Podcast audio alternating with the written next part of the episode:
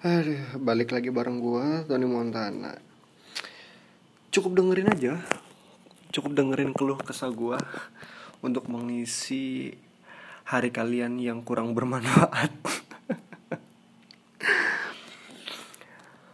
Podcast ini gue bikin di minggu kedua di tahun 2020. Bagaimana tahun 2020 Anda? Apakah baik-baik saja? Oh, jelas tentu kan. Biasa-biasa saja dong. yang jomblo mudah-mudahan cepet punya pasangan, yang punya pasangan mudah-mudahan cepet jomblo lagi. Buat mengisi yang lain kasihan biar kebagian juga yang lain ya dapat giliran punya pacar. Jangan cuman kalian aja yang punya pacar.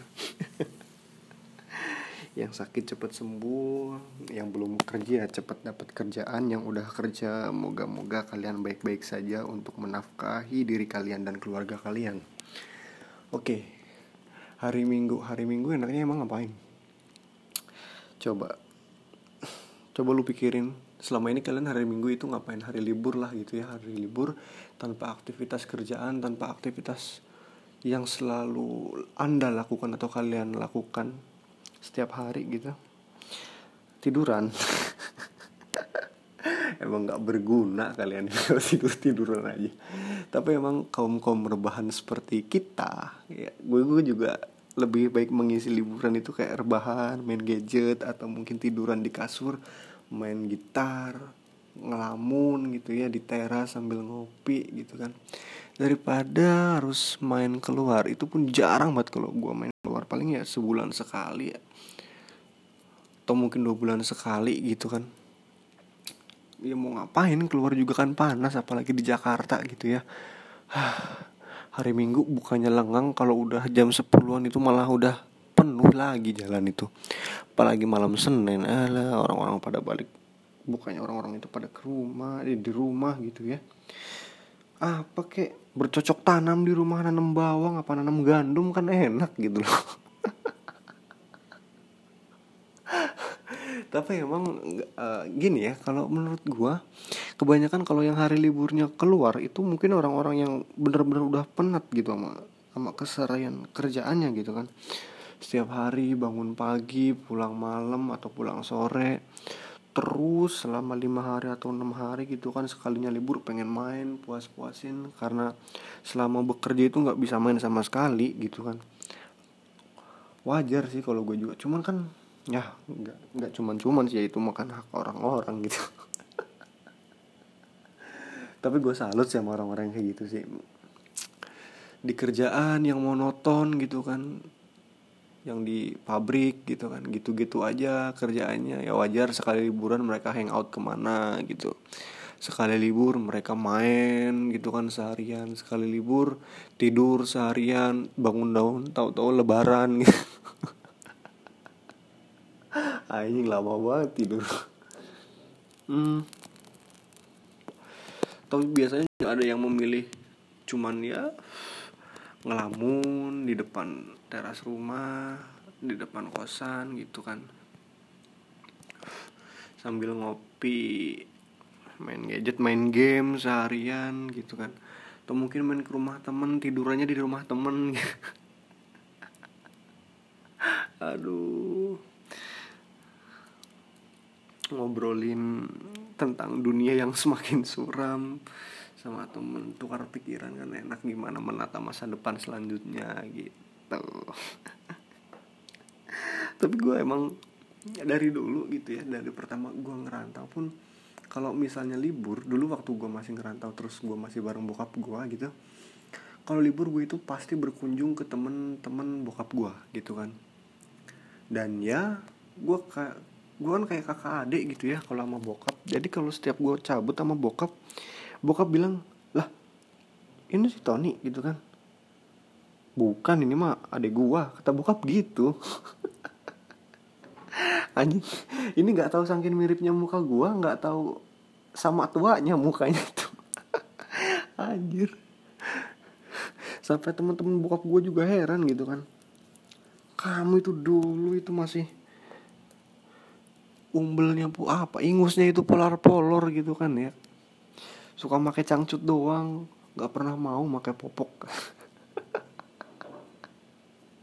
Kencing sembarangan. Sekarang ketemu udah ngopi bareng ngomongin masalah perihal kerjaan kan gue oke sampai sampai pada titik gue pernah waktu itu main ke temen bokap gue dan ketemu teman-teman masa kecil gue yang cewek temen bokap gue nyeletuk. Kan bokap gue orang Sunda gitu ya. Terus kata temen bokap gue anjing iya budak nges bujang baik nges satu kawin kan baik yang perawan orang bu kata gue gue ketawa. Aduh. Tapi emang banyak yang bilang di lingkungan gue gitu ya. Gue gue gue itu sama orang tua gue itu akrab gitu kan dua-duanya gitu. dan alhamdulillah gue punya orang tua yang rock and roll gitu kan bisa diajak jadi temen gitu. Nggak yang nggak yang gimana gimana banget santai-santai aja ngerokok bareng ngopi bareng ngobrol ngobrolin apa kerjaan kayak kuliah kayak atau apa gitu. Makanya enak diajak sharing gitu. Gue juga nggak nggak yang canggung canggung amat gitu sama bokap gue main ke rumah temen bokap gue ngobrol ngobrol ngobrol kita makan kadang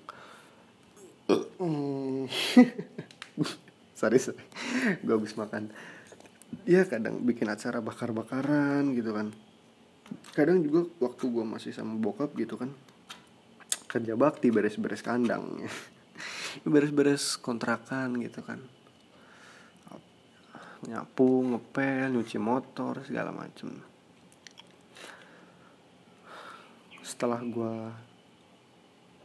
memutuskan untuk bertarung sendirian di tanah rantau gitu kan selama liburan waktu gue pengangguran gue pengen banget main kan. Anjing pengangguran punya libur. Jadi gue ngerantau itu bener-bener ngegembel gue itu jadi main slot ke teman-teman gue yang udah gawe gitu ya seminggu di tempatnya si A misal gitu kan.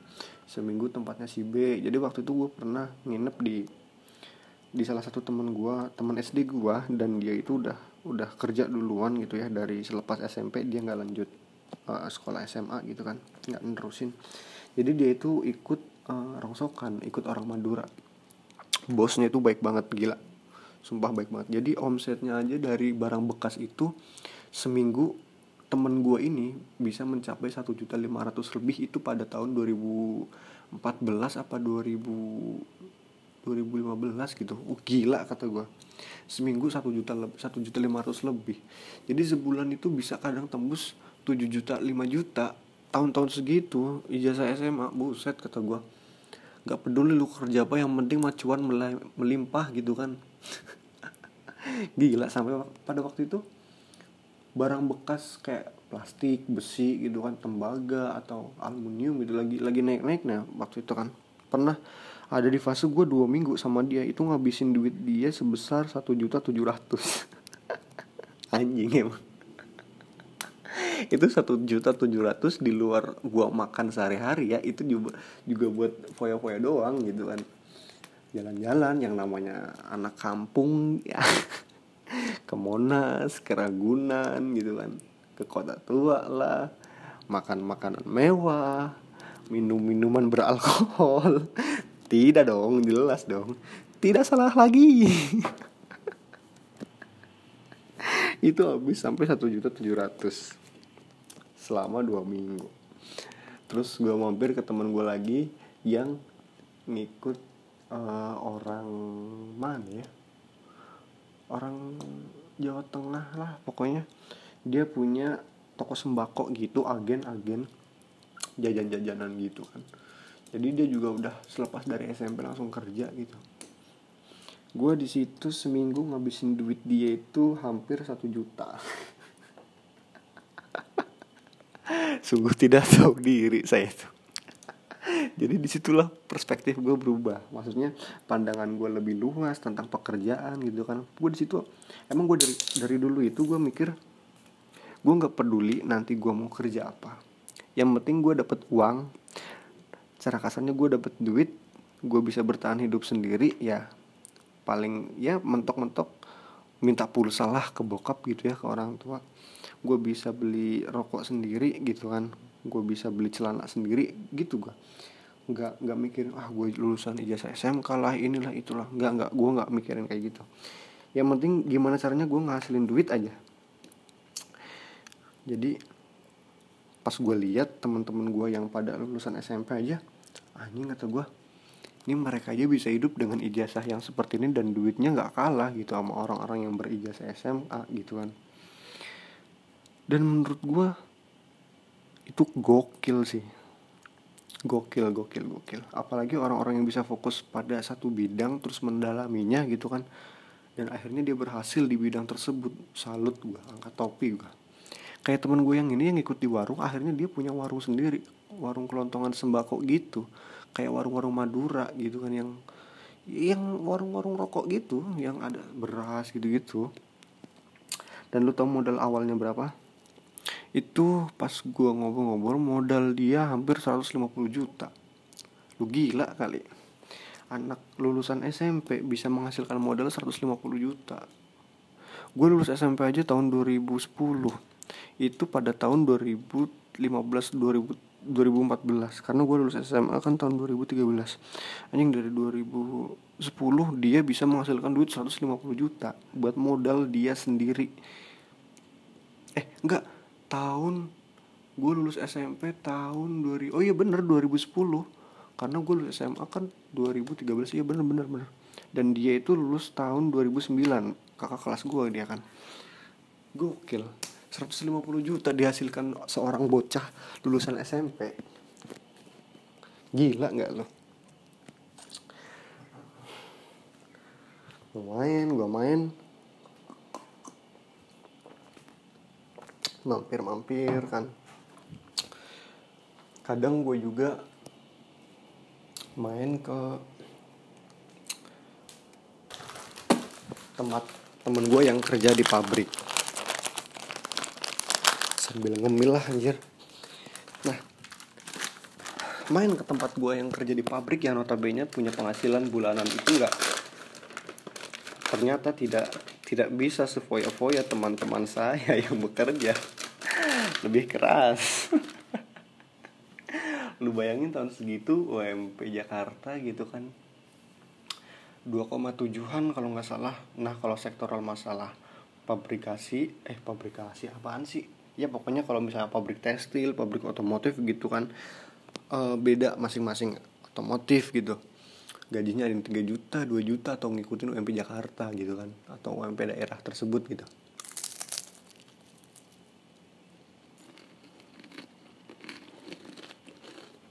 hmm. dan gue pikir ini nggak kalah gokilnya sih karena kan mereka harus survive bahwa sebulan gue dapat duit segini jadi kalau misalnya pikiran gue waktu itu adalah pada zaman itu orang-orang ini pasti cerdas gitu kan karena gini lebih susah kalau menurut gue ya menurut gue lebih susah memaintain uang yang sudah sudah jelas-jelas terlihat walaupun belum terlihat. Maksudnya gimana? Maksudnya gini. Mereka udah tahu nih sebulan duit mereka ada berapa yang akan datang. Taruhlah 2 juta. Bulan depan tanggal 1 gue bakal megang duit 2 juta. Berarti gue harus bisa memaintain duit 2 juta tersebut itu buat sebulan. Ke depannya sambil nunggu gajian karena karena duit bakalan turun sebulan lagi kan gitu belum dibayar kosan makan ongkos transport senang-senang jajan atau segala macam kan. Kata gue anjing gue mah nggak bisa nih kayaknya kalau ngurusin duit kayak gini nih buat diri gue sendiri. Karena gue tuh tipe orang yang ada duit gue pengen apa? Beli. Gue pengen apa? Beli aja. Yang penting beli dulu aja terpuaskan dulu aja. Masalah duit gue sampai pada titik tertentu itu ya urusan entar. Gue tuh gitu orang makanya gue lebih lebih uh, apa ya lebih lebih enak memaintain duit yang yang penghasilannya secara tiba-tiba gitu kan. Kayak dagang ataupun kerja yang yang nggak dipatok duit bulanan atau mingguan gitu kan. Maksudnya penghasilannya statis gitu. Bisa naik bisa kurang gitu gua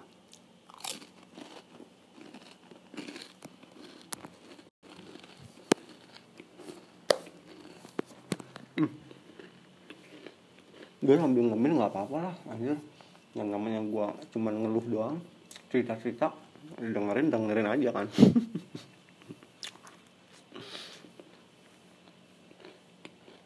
Hmm gini.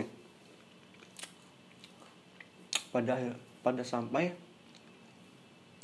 sampai di mana titik gue bisa bekerja sebagai cleaning service eh enggak. Gue oh enggak. Gue dulu itu pernah gawe ikut hmm, konter-konter HP gitu jaga-jaga konter HP gitu di PGC Cililitan. Inget banget gue gue mah gue waktu itu dibayar tujuh sembilan ratus dua puluh lima ribu per bulan. Uang makan sehari lima belas ribu. Dan gue itu ikut waktu itu gue ikut bude gue yang jualan nasi gitu kan. Jadi gue ngontrak bareng bude gue jadi makan ya gratis lah gitu kan. Tapi ternyata si konter ini lumayan gede. Dia punya tiga konter. Tiga konter plus satu gudang. Dan tugas gue adalah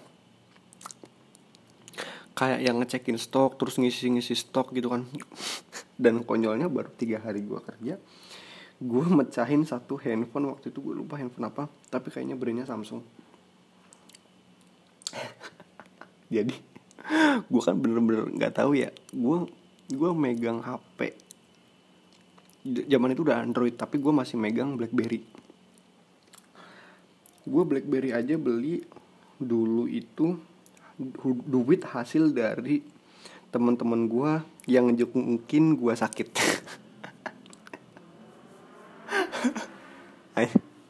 gokil nggak lo gue meg terus terus? Gue lupa. Kalau misalkan HP HP di dalam dus itu kan dusnya kan cuman atas sama bawah grep gitu doang kan. Nah itu pas dibuka gue gue gue ambil set. Gue ambil tapi nggak gue genggam gitu. Gue ambil lemes-lemes aja biasanya letoy gitu kan gue ambil cuman dus atasnya doang. Set. Itu keangkat dua-duanya tapi ketika gue mau gue uh, apa ya mau gue pegang sampai eh pakai tangan kiri dus yang bawahnya itu yang ada HP-nya jatuh coy. Ini gue takut banget waktu itu kan. Brengsek brengsek. Itu retak. Jadi layarnya itu bener-bener retak brengsek. Langsung si koko kokonya ai lu gimana sih ton? Ini kan HP baru. Yaudah yaudah wah kok maaf kok kata gue kan. Hm, nggak apa-apa nggak apa-apa nggak apa-apa. Lu anak baru kalau anak lama gue tempeleng lu. Ini kalau megang HP HP baru gini. Kalau misalnya dus itu megangnya gini. Gitu-gitu sampai gue dicarain. Dikasih tahu cara megangnya. Jadi ya udah ntar diklaim aja retur retur retur kata dia gitu kan. Retur aja balikin ke gudang catetin Nah, bangsatnya lagi adalah ketika gue lupa lantai pastinya berapa. Yang di PGC itu masalah gadget di lantai berapa. Tapi ini uh, kayaknya sih kayaknya gini. Tokonya ada dua di lantai empat. Terus ada satu di lantai tiga. Terus gudangnya itu di lantai dua. Jadi gue itu bawa troli naik dari lantai dua ke tiga terus tiga ke empat muter gitu kan kalau enggak buat tenteng pakai dus kalau enggak pakai ransel bawa buat restock gitu kan. Capek coy. Jadi sehari itu gue bisa bolak-balik lebih dari 15 kali saking ramenya zaman itu gadget kan. Anjing kata gue wah gue gue nggak sanggup nih kata gue nih. Gue cuman sampai berapa hari gue ya nggak sampai dua minggu gue 10 hari 12 harian doang gue dikasih duit 450 ribu. Ongkohnya untung baik. Pengertian lah gitu kan. Nggak nggak terlalu perhitungan amat gitu. Kata dia? Nah buat jajan lu nih kalau emang lu nggak sanggup mah cabut aja daripada lu ngebatin kata gitu kan. Ya oke siap bos nah lepas dari counter HP gue gawe oh ya gue ngabarin temen-temen gue kan. Eh, siapa tahu ada kerjaan dong gini gini nih. Ketemulah gue sama temen SMP gue juga. Ternyata dia itu gak lan. Dia di DO dulu waktu sekolah ceritanya kan gara-gara bolos terus. Dan dia ngikut mamahnya dagang di Jakarta nah dia ngelanjutin paket C. Terus dia kerja di rumah sakit di salah satu rumah sakit swasta di Rawamangun. Jadi cleaning service kata gue gue dong masukin dong. Lu yakin mau jadi cleaning service bayarannya sedikit. Anak baru cuma lima ribu sehari. Anjing kata gue masa sih empat puluh lima ribu? Iya lemburannya per jam itu lima ribu. Tahan ya gue seminggu kalau misalnya gue nggak dapat kerjaan gue sikat gue gituin kan. Karena gue mikir jangan jangan buta dulu nih. Orang gue lagi nyebar nyebar umpan kan siapa tahu ada yang dapet gitu kan pikiran gue gue nyebar nyebar nyebar gue ada lowongan kan lowongan. Nanya nanya nanya. Nggak ada tuh set nggak ada. Jebret.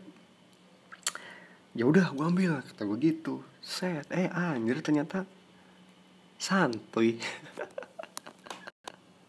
Jalan gue jalan gue jadi cleaning service di rumah sakit itu ngobok-ngobok tai nyikat wc anjing segala macam lah pokoknya lah.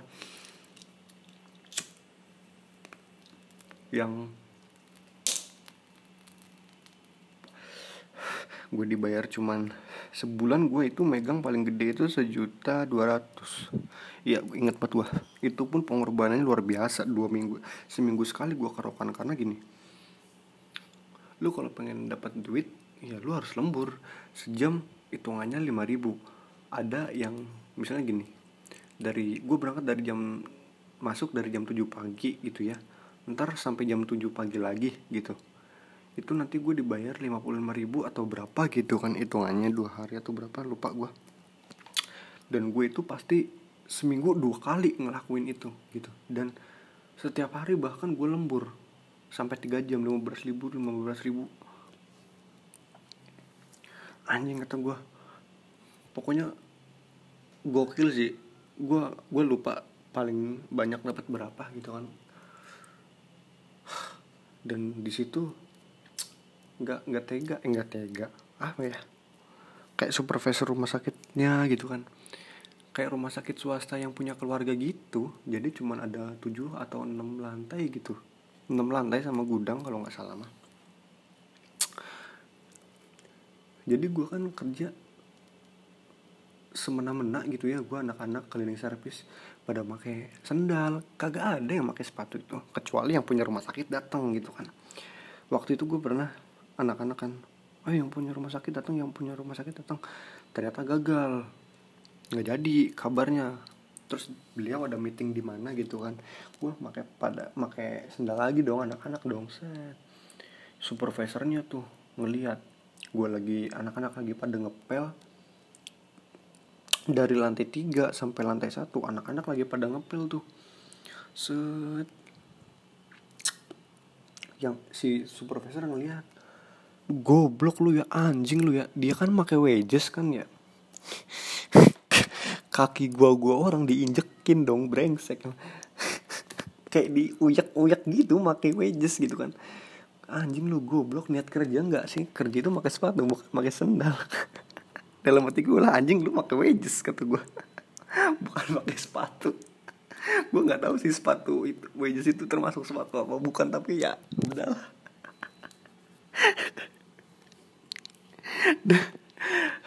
jam istirahat gue pada ngopi kan saat akhirnya ngobrol eh lu, lagi. Anjing gue tadi diinjak dong. Iya bangsat. Gue dikatain babi anjing. Aduh. Gila gila. Dan temen SMP gue ini kan orangnya lumayan uh, ini ya apa namanya steril gitulah perhatian gitu. Kalau masuk ruang kemo pakai sarung tangan atau segala macem terus sampah-sampahnya ada kan popok-popoknya gitu kan mereka yang pada itu. Pakai sarung tangan.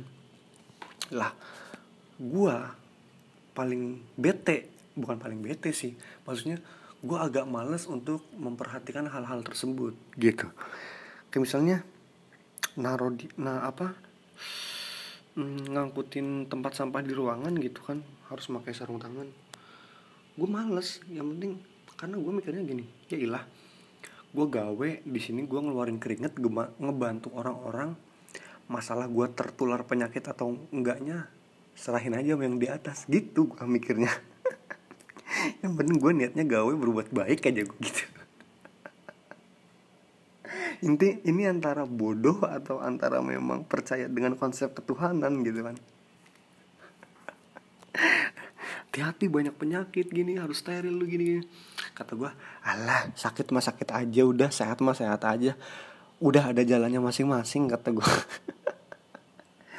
aduh. Gue ber gue di situ tuh hampir setahun apa ya?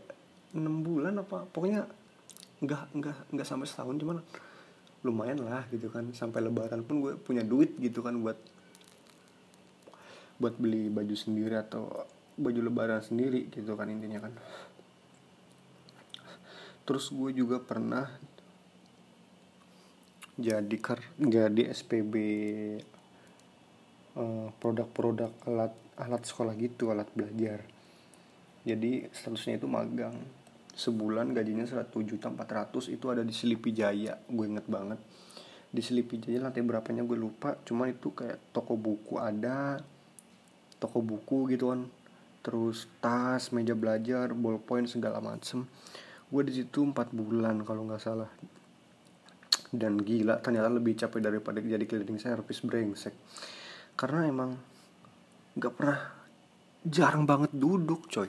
Selama dari jam si pagi dari jam 9 gitu kan 10 lah gitu kan.